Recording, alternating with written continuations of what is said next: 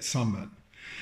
Himmelske Far, i Jesu Kristi navn så ber vi nå om at du skal åpne Skriftene for oss, slik at vi kan ha liv av det vi leser, av det vi hører, og at eh, du hjelper oss å åpne våre hjerter for din kjærlighet og for dine sanninger i Jesu Kristi navn. Amen.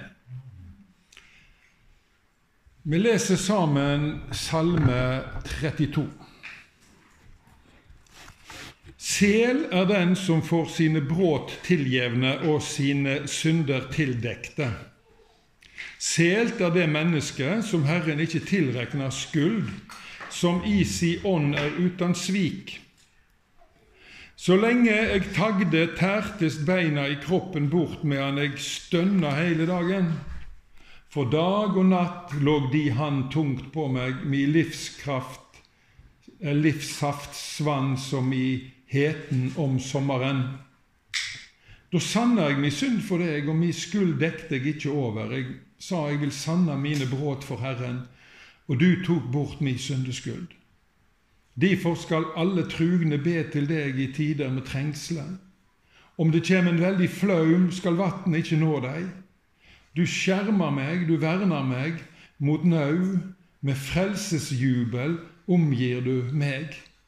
Jeg vil gjøre deg vis og lære deg den veien du skal gå. Jeg vil la mitt auge hvile på deg og gi deg råd. Vær ikke lik hest og muldyr uten forstand.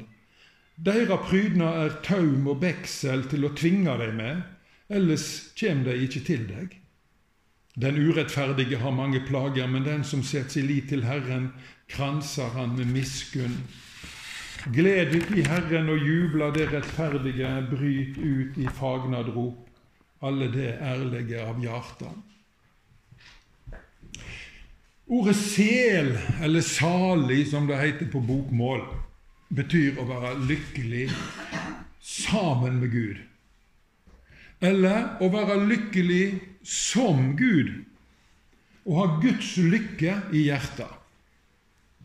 Gud bor i et lys som ingen kan komme til, skriver Paulus i 1. Timoteus brev. Lys står for kjærlighet, hellighet, glede og lykke. Og Der bor altså Gud. Der har du Han. I en atmosfære av kjærlighet og glede og lykke og hellighet.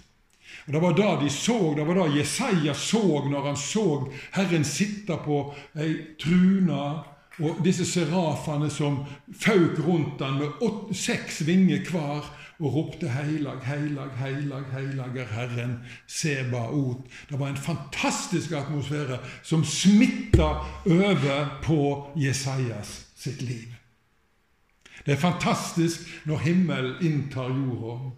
Da kjenner vi at vi lever. Gud er jo ei uuttømmelig kjelde av kjærlighet og glede og fred og lykke og hellighet. Og Da må han jo ha alt dette i seg. Alt stråler ut ifra hans personlighet. Og Så er det spørsmålet hvem i all verden er det som er lykkelig som Gud? Hvem er det som opplever og kjenner Guds lykke? Jo, det er de som lever i Hans tilgivelse og nåde. De som tror på Jesus og følger Han. De som Gud ikke tilregner synd, sto det her. Og det er alle de som tror på Jesus, som Gud ikke tilregner synd, og som får lov å oppleve Guds lykke.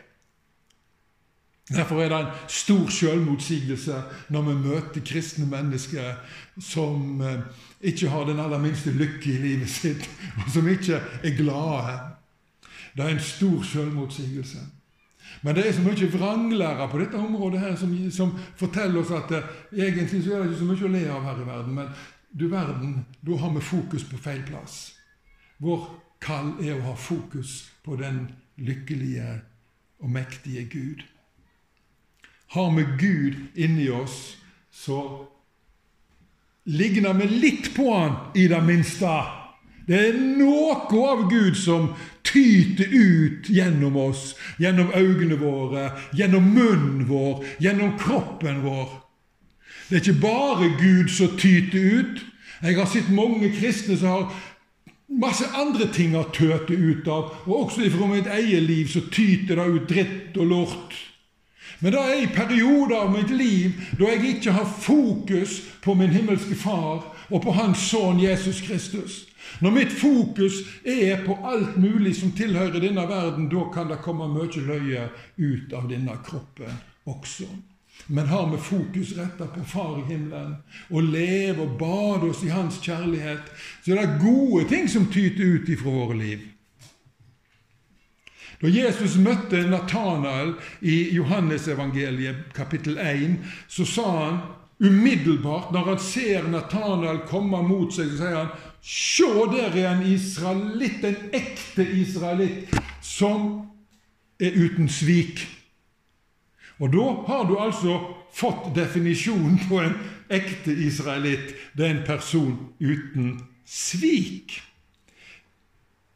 David sier 'uten svik i sin ånd'. Og hva er en menneskes ånd? Jo, det er hans personlighet.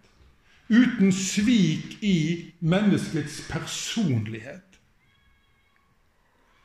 Natanael var frelst før han møtte Jesus personlig. Går det an å være frelst før en møtte Jesus personlig? Ja, for alle som levde i Det gamle testamentet, som hadde sin sak i orden med Gud, var frelst uten å ha møtt Jesus personlig i lekamleg skapnad. Hvorfor var det sånn? Jo, fordi Det gamle testamentet er Guds ord. Og hvem er det som er Guds ord? Jo, det er Jesus. I opphavet var Ordet, Ordet var hos Gud, Ordet var Gud, og Ordet blei menneske. Når vi leser Det gamle testamentet, så leser vi om Jesus. Og når vi tror det som står i Det gamle testamentet, så tror vi på Jesus. Sånn var det før han kom.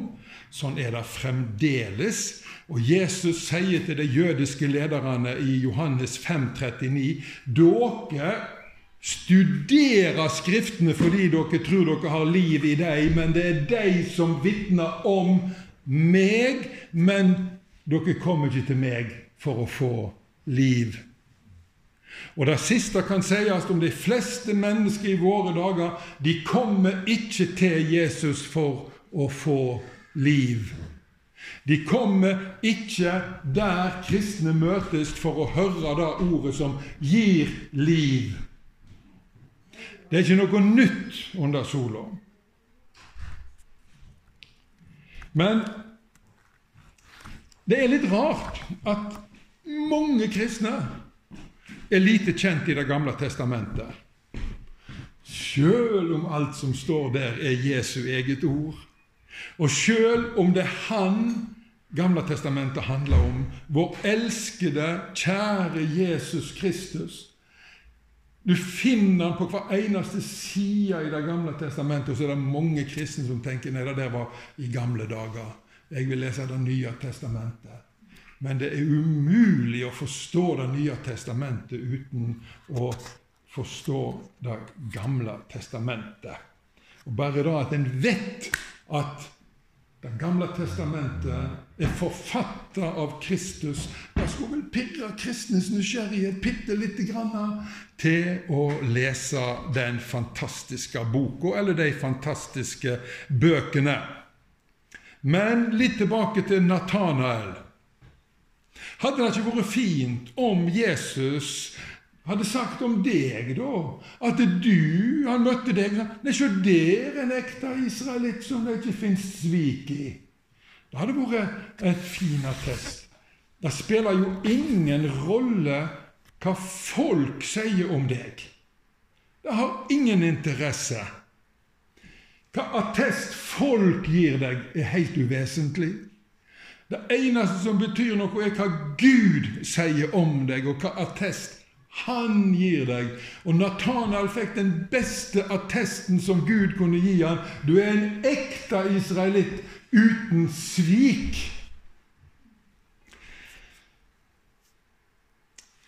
David han var i utgangspunktet en mann etter Guds hjerte. Han var plukka ut av Gud til å være konge i Israel. En mann etter Guds hjerte. Men Han synda på forferdelig vis mot Gud og mennesket. Han brøt inn i ekteskapet til Batseba Uria, og han fikk Uria drept. Så trodde han han skulle komme unna med det. Livet, hjertet hans, holdt på å korrumperes. Det var forferdelige ting han hadde gjort. En gang hadde han vært en israelitt uten svik i sin ånd. En mann etter Guds hjerte. Men nå hadde noe skjedd i livet hans. Det skjedde før hans fall. Han gikk ikke lenger ut med sine menn i krig. Han var ikke lenger i tjeneste. Han hadde oppnådd såpass stor trygghet og så stor rikdom at han fant ut jeg kan være hjemme. Jeg kan være hjemme og kose meg med ungene mine og med konene. Det var jo massevis av dem. Og han kunne leve et komfortabelt liv. Og så der ute i felten, der måtte Joab og soldatene kjempe for en David som hadde falt ned i komfortabilitetens djupe grøft. Så kom fristelsene. Og så hadde han ingen styrke i seg til å stå imot. For komfortabilitet er noe av det farligste som kristne kan oppleve i sitt liv. Og trangen etter komfortabilitet må en avvise som en synd. Det er så mye snakk i våre dager om at vi skal leve det gode liv. Gud har aldri snakket om å leve det gode liv, han har snakket om å leve det rette liv. Det er det eneste som har betydning. Og Da må vi være i felten, i krigen, i krigen mot vondskapens ånde her. Vi må være der vi skal være, og Herren har sendt oss ut for å vinne våre medmennesker for himmelen.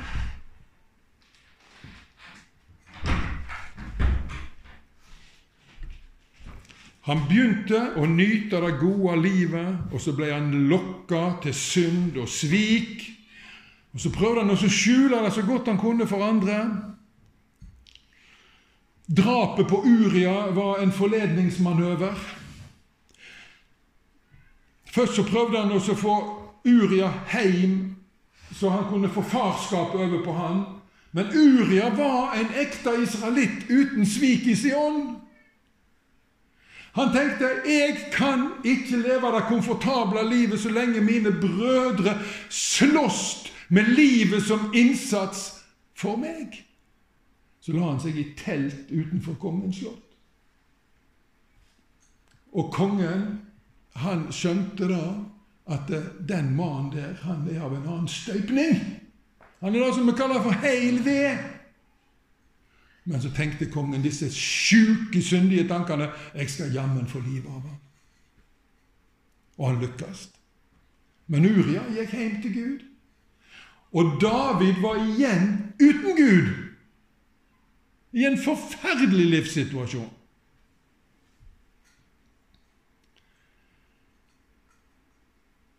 Han slutta å be. Moen hans tagde, står det. Det er ikke godt å be når vi har forferdelig dårlig samvittighet og vet at vi har drept på draget. Det er ikke godt å be da. Det er ikke godt å be uten at man har fått alt i orden med Gud. Da er det godt å be. Men David hadde ikke alt i orden med Gud, han kunne ikke be lenger. Og så begynte trua hans å visne som en blomst i sommerheten. Det skjer alltid med folk som synder mot Gud, og som ikke vil innrømme syndene sine. Det begynner å bli tørke og døden melder seg. Den åndelige død, som kan føre til en evig død. Og Hvis ikke Gud griper inn og frelser oss i en sånn situasjon, så er vi fortapte.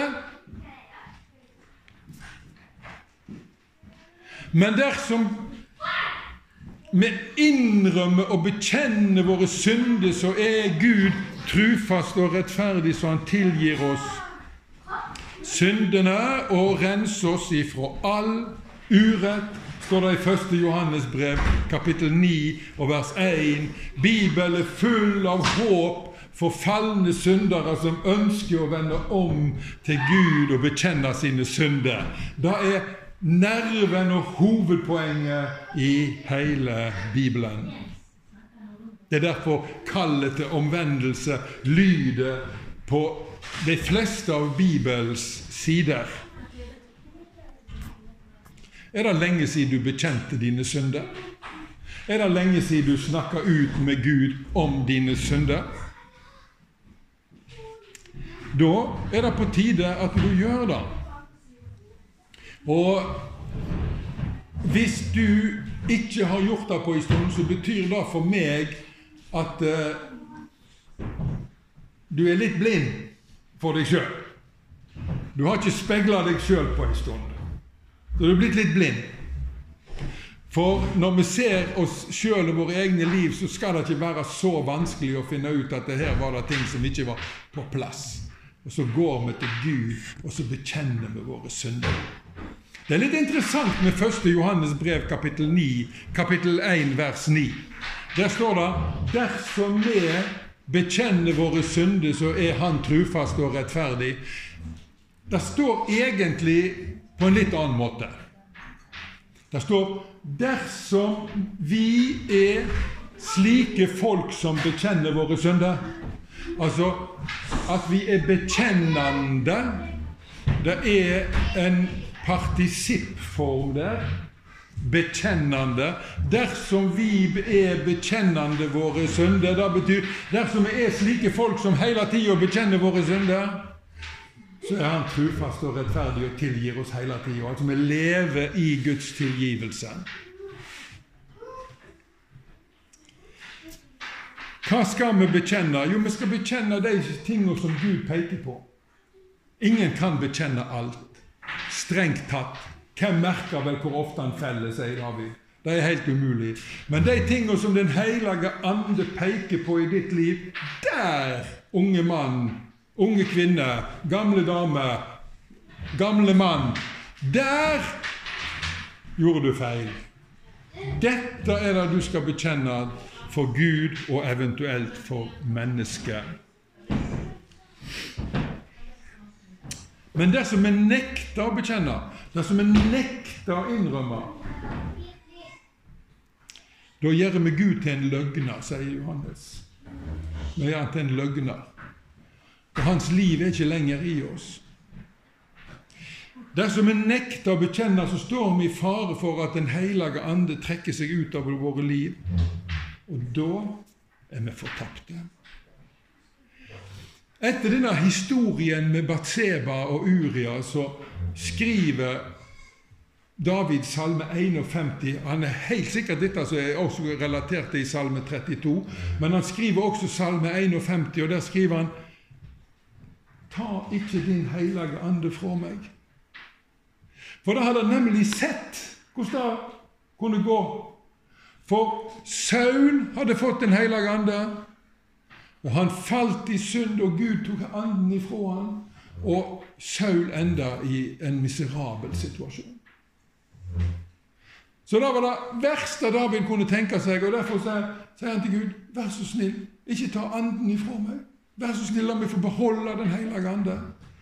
For han er Guds liv i ditt liv. Hørte du? Den hellige ande er Guds liv i ditt liv, men han kan bedrøves ved at du lever på tvers av Guds vilje uten å ville innrømme det og bekjenne det og vende deg bort ifra det. Gud var nådig mot David. Han sendte Natan til han, profeten Natan.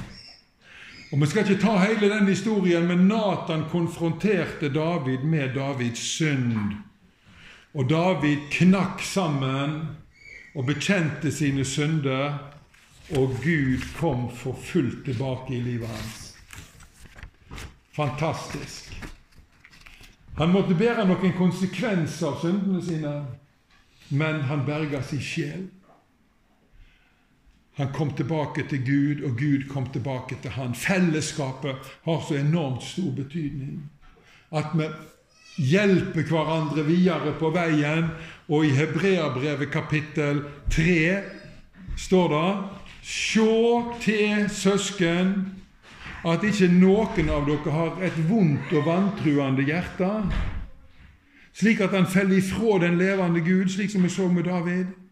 Men så står det Forman hverandre hver dag så lenge det heter i dag, slik at ikke noen skal bli forført av synda og bli forherda. Forman hverandre. I den nye oversettelsen står det oppmuntre hverandre hver dag. Hver dag. Går det an liksom å oppmuntre hverandre hver dag? Ja, det gikk an faktisk alt på den tida, fordi at i den første kristne tid så var de kristne samla hver dag. Det var bare sånn, da.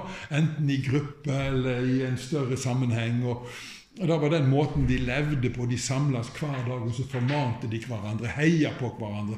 Kom igjen! Eh, hold deg nær til Gud, så holder Gud seg nær til dere, osv. osv. Og dette med fellesskapet er så utrolig viktig at vi holder fast på det. De første kristne holdt fast på broderskapet, står det. Uten fellesskap så kan vi fort komme vekk ifra Gud og ifra Hans plan. Og Det står i Jakobs brev at 'bekjenn syndene for hverandre, så dere kan bli helbreda'. Og Der knytter jo Jakob helbredelsestjenesten opp til synsbekjennelsen og skriftemålet, som vi omtrent har glemt helt ut eksisterer.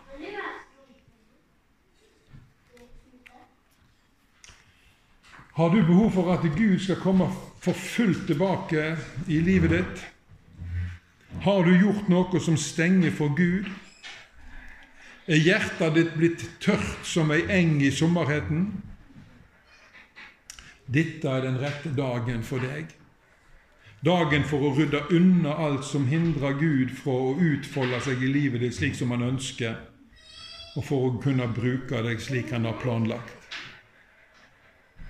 Hva skjer når du har alt på stell? Jo, da får du en ny nærkontakt med Gud og du begynner å elske å være sammen med Han. Du begynner å elske dette å be. Det er ikke lenger en plikt, men en glede, et privilegium, en stor rett som du utnytter deg av. Ordet i dag sier at det vil komme trengsler, vanskeligheter. Ingen kommer unna vanskeligheter. Johannes' åpenbaring snakker om at det, i den siste tida før Jesus kommer, så vil det være mange vanskeligheter kriger og svolt og dyrtid og forfølgelse. Og dette er hverdagen for veldig mange mennesker allerede nå. Og så står det i salmen i dag at Gud vil utruste deg til å komme gjennom slike tider. Har du etablert nærkontakt med Gud før ting skjer, så vil det være lett for Han å føre deg gjennom trengslene når de skjer. Han vil gjøre deg vis og lære deg den veien du skal gå. Han vil vise deg hva slags valg som er lure å ta, slik at flommen ikke når deg. Og midt i alt dette så vil du være omkransa av frelsesjubel. Det er et veldig interessant fenomen. Hva er frelsesjubel? Jo, det er jubel i ditt hjerte fordi du sjøl er frelst. Og ikke kom og tro at det da er en selvfølgelighet. Det er en stort mirakel. Og du kan juble for det. Men frelsesjubel gjelder ikke bare deg sjøl. Det gjelder også hver gang du hører om at et nytt menneske har tatt imot Jesus, så skal det utløse en 'yes' i hjertet ditt. Så bra! Takk Gud, altså. Et nytt menneske frelst. Familien vokser! Ja, bra! Altså, Det er den naturlige responsen hos oss når vi hører om at et menneske er frelst. Det skal forårsake jubel. Frelsesjubel omgir jeg, sier David. Tenk på det. I Åpenbaringen 7 så ser vi vil si Johannes får se en skare som er så stor at ingen kan telle den. Og de er kledd i hvitt. Og de har palmegrein i hendene. Og da ser altså Johannes inn i himmelen, og så synger de lovsanger til Gud. Og så spør David Gud hvem er disse folka? Og Så svarer Gud dette er de som er kommet ut av den store trengsel. Ser dere at når trengselstidene kommer, så søker folk Gud i mengder.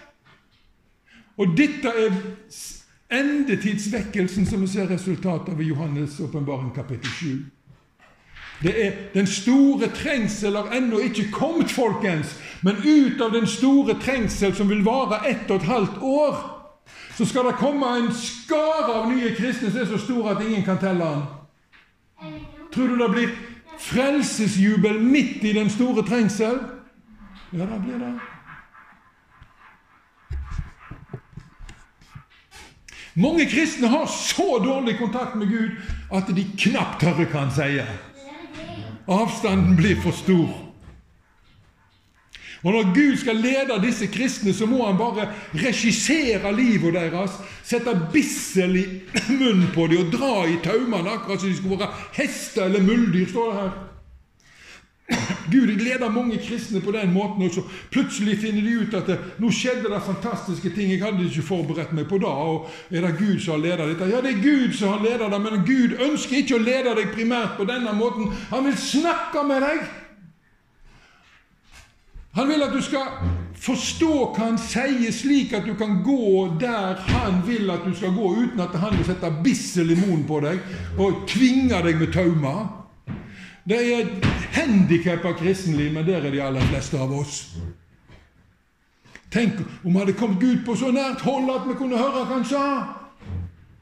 Nå går du der, nå går du der, nå gjør du det, nå gjør du det. Vi hadde blitt så effektive. Det hadde blitt ei fantastisk tid. Men sånn er det. Men der er vi ikke. Men halleluja, der skal vi komme. Paulus skriver 'Vi er Guds medarbeidere'. Ja, det er fint. Og medarbeidere, de prater sammen og planlegger sammen. Husker dere Adam og Eva i hagen? Hva skjedde om kvelden når sola begynte å gå ned, da kom Herren. Da kom Herren gående og tuslende i hagen. Hva kom han for? Han kom for å snakke med dem. Han kom for å planlegge neste dag, for å drøfte ting med dem. Og de elska disse timene når Herren kom for å prate. Der vil Gud ha ethvert kristent menneske i pratesituasjonen. Vi er skapt i Guds bilde, og det betyr med forutsetning til å ha direkte, personlig kontakt med den evige, gode Gud og Far. Kanskje ønsker du å etablere et sånt forhold til Gud?